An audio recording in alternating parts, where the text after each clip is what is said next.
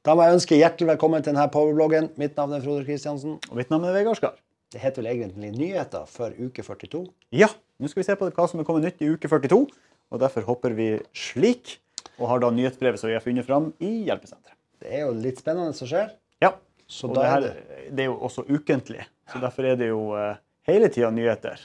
Og det liker vi jo. Det gjør vi. Hva er det som har skjedd? Yes. Det som vi ser her i uke 42, er at det er kommet et generelt tips. Og det er jo at Visste du at det er mulig å åpne alle dialogbokser fra innstillinger via søkefeltet, uansett hvor du er i Go, gitt at rollen din har tilgang til innstillingene? Kanskje dette kan forenkle hverdagen din litt? Ah, liker, liker det der. La oss se på hva det er for noe. Da går vi inn i en demoklient vi har her, og så går vi på søkefeltet her oppe. Og da f.eks. hadde de søkt på godkjenning. Og det vi ser da er at du kan enten gå til reiseregninger som venter på godkjenning, eller her, handlinger.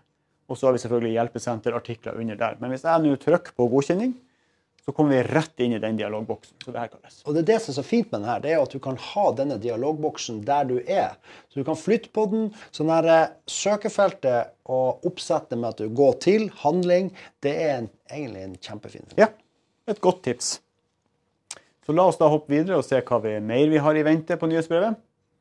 Og det ser vi da er at det er kommet litt på regnskap. Litt flere tips selvfølgelig ned her med hvordan forskjellige dialogbokser det her gjelder. Men regnskap, der er det gjort generelle forbedringer. Og der er det nå at Standardimporten har fått en oppgradering. Det er nå mulig å sette avvikende enhetspris på produktlinje i et tilbud.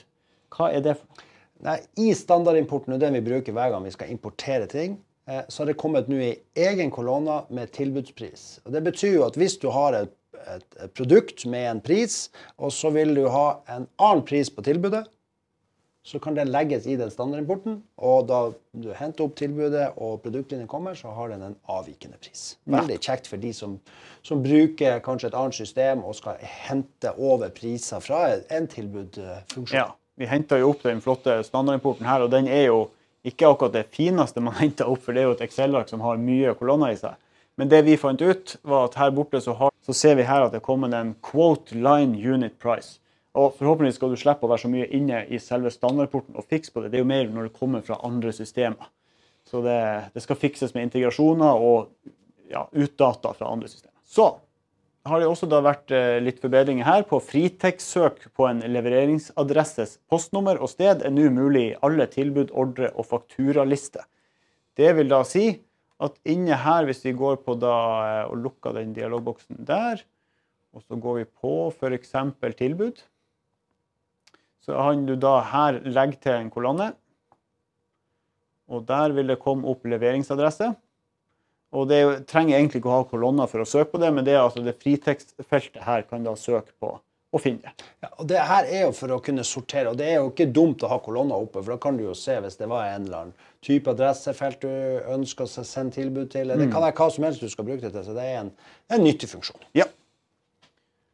Vi går tilbake til nyhetsbrevet. Da ser vi at det er også retta feil i datofilter i listevisning for utbetalte fakturaer. Litt usikker på hvilken feil, men den er i hvert fall borte. Så nå finner dere den ikke igjen.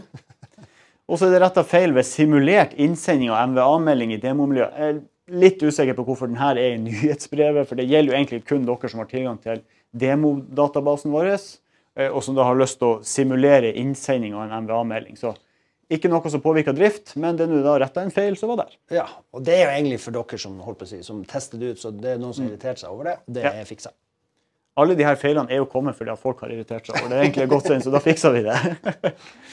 Team og prosjekt, der er det kommet litt ny funksjonalitet. Og det er jo under ferie og fravær. Og her er det nå kommet et varsel i timeregistreringa til den ansatte når det er en pågående egenmelding. Det er lagt lenke til varslingen, slik at egenmeldinga kan behandles direkte fra timeregistreringa. Og varsling vil vises både på web og på mobil. Det her er egentlig en veldig fin funksjon. For det som var tidligere, når du søka i egenmelding, så så du det i utgangspunktet ikke eh, Den er jo pågår, så du satt, du vet jo ikke hvor lenge den skal være. Og nå som du ser her, pågående egenmelding, og trykker du på den, så kommer du rett inn i den. Og det er enkelt for deg å si at nå er den over, og kan avslutte den, istedenfor å måtte gå på feriefravær, finn den og sånn. Så Ja. det, det der er en eh, nyttig funksjon. Pluss at den også da er i mobilappen. Og den har også en historikknapp. som da viser hvem som starta den, og ja, om det har skjedd noe. Veldig bra. Og det var egentlig nyhetene for uke 42. Resten er på API, men det er kommet en ny utvidelse der. ZPOS er kommet. Det er en kasseløsning. Og hvis du trykker på den, så får du opp litt informasjon om den der. Så dere som da har etterspurt den, eller som er på utkikk etter et nytt kassesystem, så er det da kommet en ny en her. Og her står det hvem som har utvikla den, og den er da utvikla og drifta av Mabu AS. Og der kan da man gå og finne rette kontaktinfoen for det. Ja, og Der ser jeg nå at det er tilpassa til de fleste bransjer. Ja, passer for alle. Det var det. Det var det for oss. Så vi satser på nye nyheter i neste uke, og eh, takk for oss. Tjullu.